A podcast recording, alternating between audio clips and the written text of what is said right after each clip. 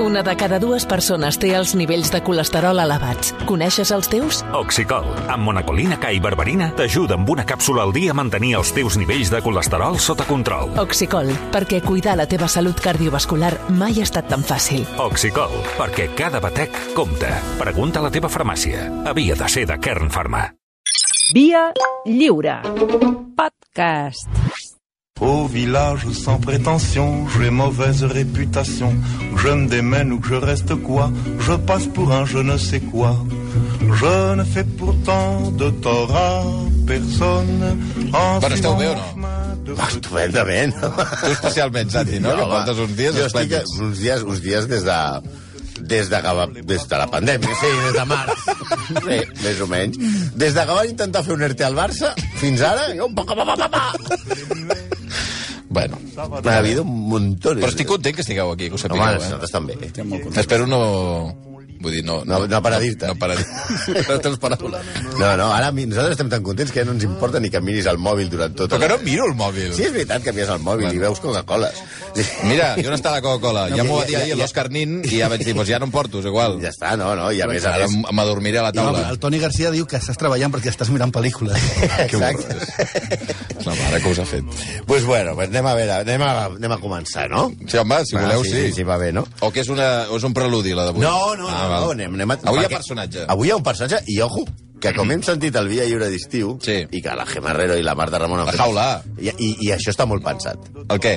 Això de que fan elles... És... Ella sí, ella sí. Ella sí, ella sí. Ella està tot... Tot absolutament- llei, Eh, documentació... i, mu- I músiques i efectes i, talls i, tot- coses. Tot això. I, i, i, L'antítesi. I, I coses llegides i Sí, sí. sí, denses. I tot, Exacte. Tot xacos, tot Sí, sí, xacos. tot xacos. pues nosaltres hem dit, no serem menys, hòstia. També ho farem. Ara, o sigui, serà una secció més llegida encara. Molt més llegida. I per, i per, Aquesta temporada, I, i per a molt mostra, més llegida. I per a mostra, un botó. veure. Avui parlarem, avui ens posem amb un pàjaro. No he entès, per cert, no he entès mai l'expressió de per a mostra un botó. Clar, perquè et diuen, per a mostra et donen un botó de la camisa. Eh, per què vols dir? Perquè t'estan tibant. Ah, val. Per la camisa, si, si tu vols... Jo què sé. Va, és igual. Va, és ja, ens, igual. ja ens ho explicarà algú. Va, tira, tira. O pel teclat de l'ordinador. Un botó. Un botó. perquè avui, el pàjaro que fem avui, eh, no ens posem per poca cosa. És el filòsof més important i més influent del segle XX. Un geni, eh? Un pensador que no admet comparació. No estem parlant de Bartomeu, no. El nostre home era fins i tot, imagina't, més intel·ligent que el president del Barça.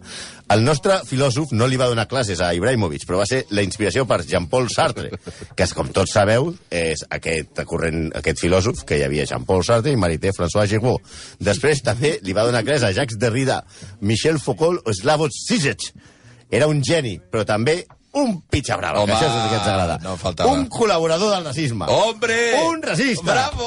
Un supremacista. Avui comencem tot. amb la temporada amb l'autor de Ser i Temps, que no és una cadena de ràdio i una revista.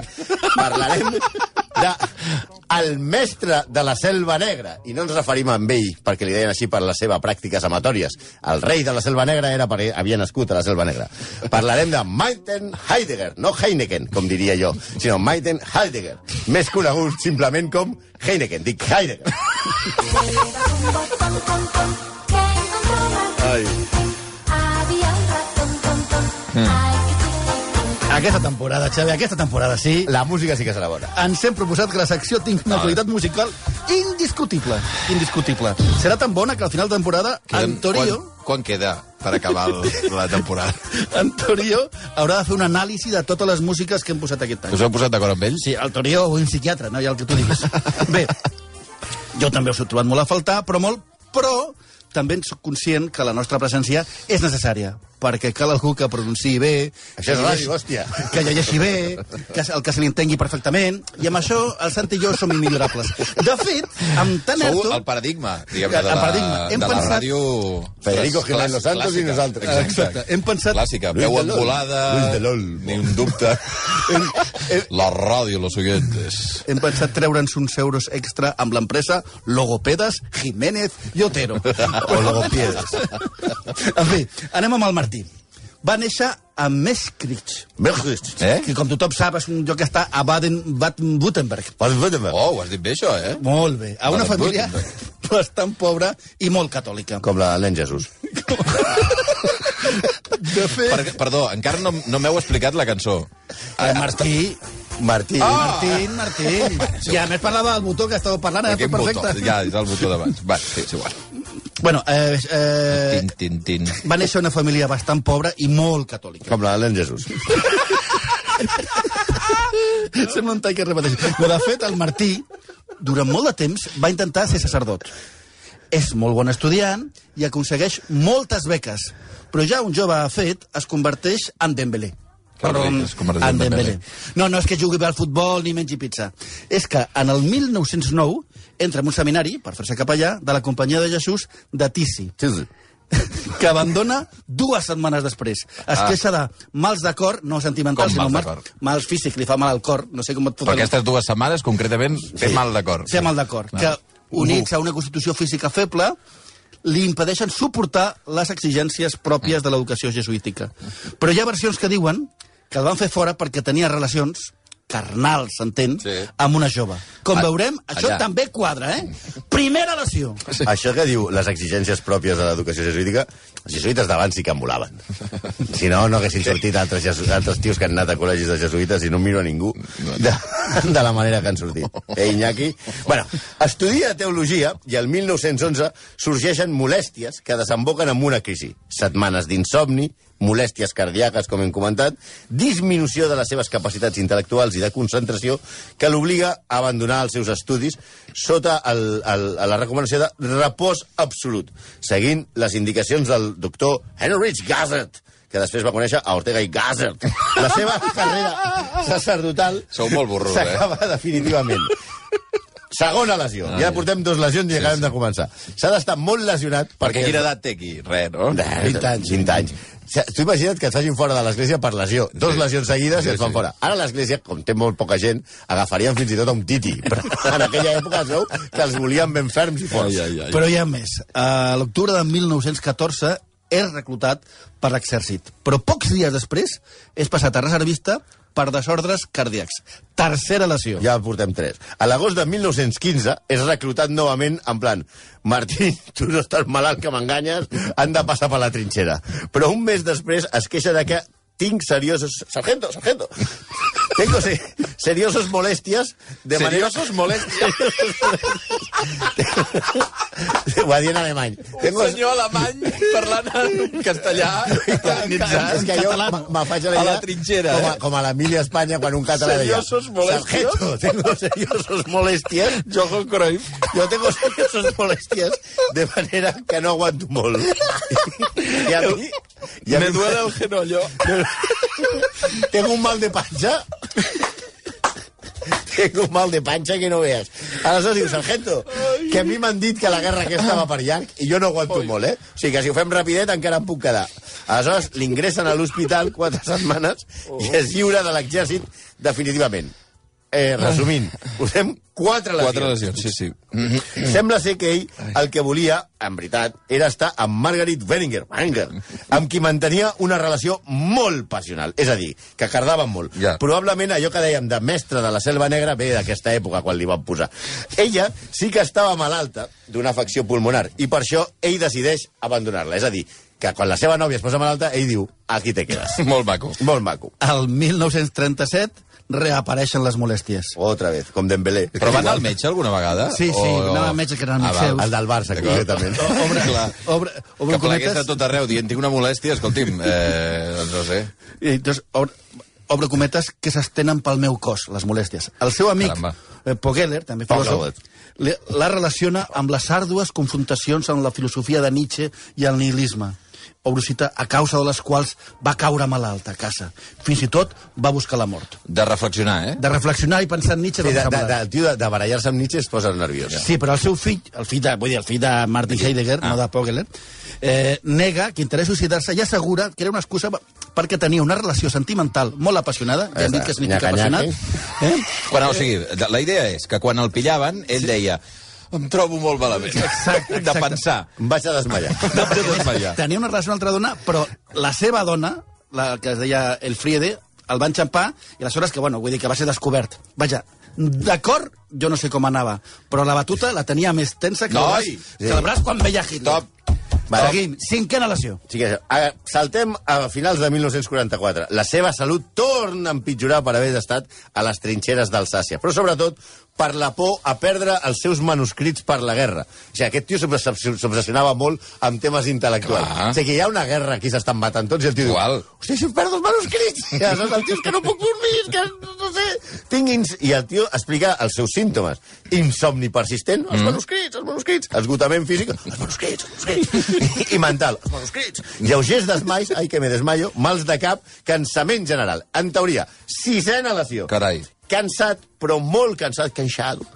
Però el temps manté una relació... Heidegger no està. No està, està cansado. Però, eh, però no cansat per cardar, perquè té una relació tòrrida, ja hem dit el que volia dir, amb Margot von Sachsen-Meiningen, que amb aquest nom ja em posa catxondo i tot. Ai. El exalumne i també que estava casada. No creieu que potser les lesions eren més la puàlgia que una altra cosa? El, el desembre de 1945 pateix un, un col·lapse davant de la comissió depuradora de la universitat que Heidegger atribueix... mareja, eh? Sí, No. sí, sí, sí. Atribueix al que va agafar, que el va agafar Obrosita totalment desprevingut l'interrogatori inquisitorial de 23 preguntes i a causa d'això vaig patir el col·lapse. Setena lesió. Ja als 70, o sigui, pocs anys abans de morir, viatja a Múnich a fer una conferència i té una trobada amorosa, una altra, amb la poetessa i comtessa Sophie... Ja tenia una Dorothée edat, eh? Von Podevilis pateix una lleu embòlia cerebral i d'un després d'una breu hospitalitza- hospitalització, veus com la logopeda va bé? Oh, Hospitalització. Hospitalització. Voleu saber com es diu hospitalització? Hospitalització. Trobeu-ho a Hospitalització. Es recupera rà- ràpidament. Vuitena lesió. Té 81 anys. I no existia la Viagra. Jo no ho sé. Jo sé si es posava música de Wagner que feia, però aquest home era una màquina. Ale, hop! Ara, ara, ara. A veure, aquesta cançó ja, aquesta sí que l'entens. Boníssima, boníssima. Bueno, la cançó és boníssima. Sí, sí. No, no, i el contingut també, clar, clar. I saps la història de Ricky Martin? No, és- no és veritat, o sigui, prou de... Llegia Heidegger. Bueno, però eh, ell viu la vida loca. Al vostre Martin sí que li anava una mica la vida loca, com hem pogut veure, entre les seves lesions, perquè bàsicament coincidien amb períodes de, de cardamenta. La cosa és que el Martí va estar casat amb Elfride. 50 anys Hosti. va tenir estar en matrimoni. Des dels 26 fins a la seva mort. Ella era com, tu- ja veurem que a aquest home li agrada bastant això, era la seva alumna. Aquest home eh, era aquest p- pescador d'alumnes. Buah. Eh, es van enamorar i es van casar. El problema és que ella, tal com van demostrar les cartes que el 2005 va publicar la seva neta, va tenir una relliscareta als dos anys de casada. Vaya. No mal barri. Ella Vaya. Pues, a una caidita de roba. Aleshores, ell, ella va fer i va tenir un fill que el Martin va acceptar, li va donar el seu cognom, la va perdonar, però et perdono però al tanto.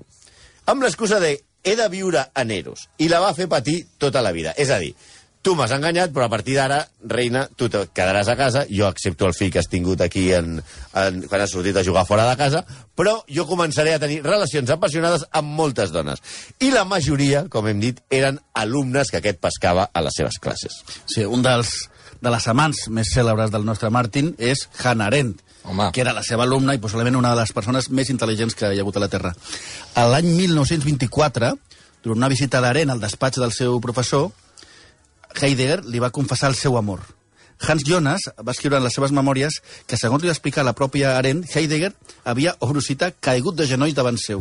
Penalti. Va, va, va, va tenir col·lapse de Heidegger. una Però altra ara, cosa. me desmayo otra vez. Ay. Just quan la- quan- Ana, quítate la ropa, que me Noi. desmayo. quan la Hanna ja estava marxant del, del, del, del despatx i li va confessar el seu irresistible desig. Abans era amor, ara desig. No Va, sé. és igual. La relació entre el professor i l'alumne va estar oculta durant una mica més d'un any, fins que Arendt no va poder suportar més la tensió a la qual la sotmetia aquest amor clandestí i va marxar a Heidelberg. Va deixar Heidegger per anar a Heidelberg per doctorar-se... I prendre-se amb- unes Heinekens, per Jaspers. Quan dieu suportar la tensió a la qual el sotmetia aquell amor clandestí, és que bàsicament li feia assetjament, no? A Sí, i Hannah a més a Arendt. més ella, ella estava casat. I a més a més ella patia molt, perquè realment ell sempre li deia no, demà li dic a la dona, no et preocupis. Ja, ja. Arendt, a més a més, era, Autèntic malparit, sí, sí. era m- jueva, Sí. sí. i és molt interessant perquè mantenen una correspondència durant tota la vida. Ah, sí? Van seguir... Sí, mm. ella està enamoradíssima de- de- d'aquest capullo. Però aquesta correspondència s'interromp just quan? En els anys del nazisme. Vaya. Hòstia, com eres judía, pues ja ara eh, ja no te, ja no te junto. Ella marxa, però ella es recupera aviat amb un curt roman, es, es torna a liar amb una noia que es deia Elizabeth Blochman, amiga de la seva dona, per més inri, a la qual deixa també per una altra amiga que es deia Elizabeth Krumskid. Realment el tio era un... I, se- i després el veus i tampoc era gran cosa, eh? He vist la foto ara, perquè sí. Un bigotet sospitós, eh? Les seves amants i alumnes són moltíssimes. Hi ha la Margot Bo- Sachen Meningen, Marlene Putcher, Andrea Von Harbour, també aquest, aquests noms me'ls ha posat per tocar-me els collons, Sophie Dorothea Von Podemins o Dori Vieta, que és l'única que es té un nom normal, la Dori. Abandona, que, aquesta Dori abandonarà el seu marit per l'afer amb Heidegger. No m'estranya que estigués sempre cansat, perquè aquest tio l'exercici que necessitava necessitava el preparador físic del Bayern de Múnich, aquest home. Hombre, no, jo crec que aquesta no s'intueix, eh, el motiu de la cançó. Ah, exacte. No, no he entès encara... Pues aquesta controvertida cançó dels il·legales ve molt al cas. Perquè han tingut execrables que tenien simpaties per Hitler i el nazisme. Però Martin, Martin, no era un simpatitzant, era No, molt no, més. era, era, era, era, era premium. Era primícia. Ingressa al Partit Nacional Socialista l'any 33. El fan rector de la Universitat de Friburg Freiburg. amb l'ajuda del comandant Ernest Ron, que era, Ron. que era co- cofundador de la CEA, i participa en diverses activitats propagandístiques. En una entrevista diu, obro cita, el Führer mateix, i només ell, és la realitat alemanya actual i futura, i la seva llei, tanco cita. En el Has seu fet un to gairebé alemany, fins i tot, eh? He estat a punt d'envair Polònia, jo, ara. en el seu discurs de presa possessió del càrrec, es manifesta contra la tan celebrada llibertat acadèmica, purament negativa, inautèntica, i parla de la missió espiritual del poble alemany. I defineix la vida estudiantil com un servei d'armes. Comencem malament, Martí. Sí, Heidegger era a la Comissió de Filosofia de Dret a l'Acadèmia de Lleis Alemanya. L'acadèmia, eh, per entendre'ns, eh, que va encarregar-se de l'elaboració de les lleis de Nuremberg, la legislació que eh, d- segregava els jueus i impedia les relacions racials i, entre jueus i alemanys. Precisament ell que estava liat amb Hannah Arendt. Molt, molt, coherent- molt coherent tot. Hitler l'admirava molt i ell va recolzar els actes, atenció, un tot un catedràtic de filosofia, va recolzar els actes de crema de llibres, va elogiar les tesis de l'eugenèsia entre la professió mèdica, va intervenir amb l'objectiu de crear una càtedra d'higiene racial Buah. i biològica hereditària i va recolzar suprimir totes les beques destinades a estudiants jueus i marxistes, entre els que ell eh, es beneficiava. No és que fos un simpatitzant, és Però no que era... era un patissant, no. Era, era, era, era, era soci pallista, eh? Molts dels seus defensors, que hi ha molts, perquè era un filòsof molt important, parlen del distanciament posterior que, i que es va negar a purgar a dos professors a la universitat. Però la veritat, la realitat, és que fins i Sí, tot... l'any- perdona, eh, Malcolm, eh, hi ha, hi ha qui diu, d- d'alguna manera, el ve justificar per dir, bueno, és que clar, és un era- error, eren era- els temps... Ho va entendre una qüestió metafísica, Clar, pensava que Alemanya i el... Tot, tot era teori, teòric, no? I es va Des donar del punt compte de quan vista, van clar. perdre la guerra, també. Ai, casualitat! Ja, ja, ja, ja, ja. Clar, però és que parlem que l'any 49, que hi havia 4 anys després de la, de la guerra, va dir una pregunta sobre els, els crims nazis, eh? Diu, són discretament eliminats en els camps d'extermini. I què? Milions d'éssers humans moren avui de fam a la Xina. Això va dir ell? Això va dir. O sigui, clarament estava justificant el... l'Holocaust. Discretament eliminats en camps d'extermini. I Sí. què? I què? També en aquest, aquest any va equiparar en la seva essència els camps d'extermini i la bomba d'hidrogen amb l'agricultura convertida en indústria motoritzada. Hosti. Aviam, no sé, jo no sé què, què, se li, què, què, li, què li, amb ell que li, se li posava més dura, si la carn d'olla o, o el braç. El, el, el curiós és que ell no podia negar que l'antisemitisme el portava a dins. Amb la publicació dels seus quaderns negres va quedar més que, més que en evidència. El 1941, quan suposa que renega de l'antisemitisme de Hitler, eh, ell escriu, eh, Heidegger escriu, el judaïsme mundial està a tot arreu i no necessita involucrar-se en accions militars mentre continua desplegant la seva influència. I nosaltres hem de sacrificar la sang del millor de la nostra gent, és a dir, a pels jueus. Estàs, estàs bé? Malcolm, has tingut un... Una, una, una... Estava reflexionant sobre Sí, el no, tema. Eh, no, ha entrat en la reflexió profunda. No, no, Eh, li he vist els ulls. És que tal parlar de Heidegger Heidegger, entrant-li, eh? a- a- sortireu tots els que esteu sentint més intel·ligents. Eh? No, és que he tingut el mini-ictus aquest que va tenir ell Ja, ja, ja, ja, ja, Paul ja. Bocay, no? No, un, de, un dels te- seus temes més eh, obsessius era la Ha legitimació. tingut una petita dolència, ara, no? Una, he tingut una petita dolència Molèstia. que, que no una erecció. Ha fet una mica Forrest Gump, ara, eh? Eh? No, una, un dels temes més obsessiu era la legitimació de la selecció racial, que Heidegger presentava com un metafísicament necessari. Aquí està el tema, veus? Sí. Des del seu punt de vista era com molt... Sí, què? sí, era tot filosòfic, era tot ja, filosòfic. des d'un punt de vista filosòfic. O d'acord, també d'acord. diu, obro cita, la contaminació de judaïsme que viu la nostra cultura i les nostres universitats és efectivament espantosa. I penso que la raça alemanya hauria de trobar la força interior necessària. Veus com se't posa com alemany? Sí. Fa unes erres molt fortes. Des de que ens van fotre vuit, el tio parla així molt raro, eh? Això... No t'hauràs fet del Bayern. No, de fet, no, Heidegger és un tio amb molts admiradors a les escoles filosòfiques, molta gent, no, sí, Heidegger, és això. Però no és una errada, E- ell és, ell és l'errada. És un paio que és una barreja entre el mateix Hitler, Kant, Dembélé i, i Julio Iglesias. Sí, realment no sé què podia sortir malament amb aquest pau. 11 i 37 minuts, eh, vaja, el retorn dels il·lustres retorno. execrables, el retorno... El retorno. Uh, això està una mica martes i 13, no? El retorno. A l'estudi del, del Via Lliure i, i allò que dèiem abans, eh? Quan queda per acabar la temporada? gràcies, Malcolm, gràcies No a ti. Oh, arribarem. Auf Wiedersehen. Auf Wiedersehen, auf Wiedersehen. viendra nous voir pendus, sauf les aveugles, bien entendu.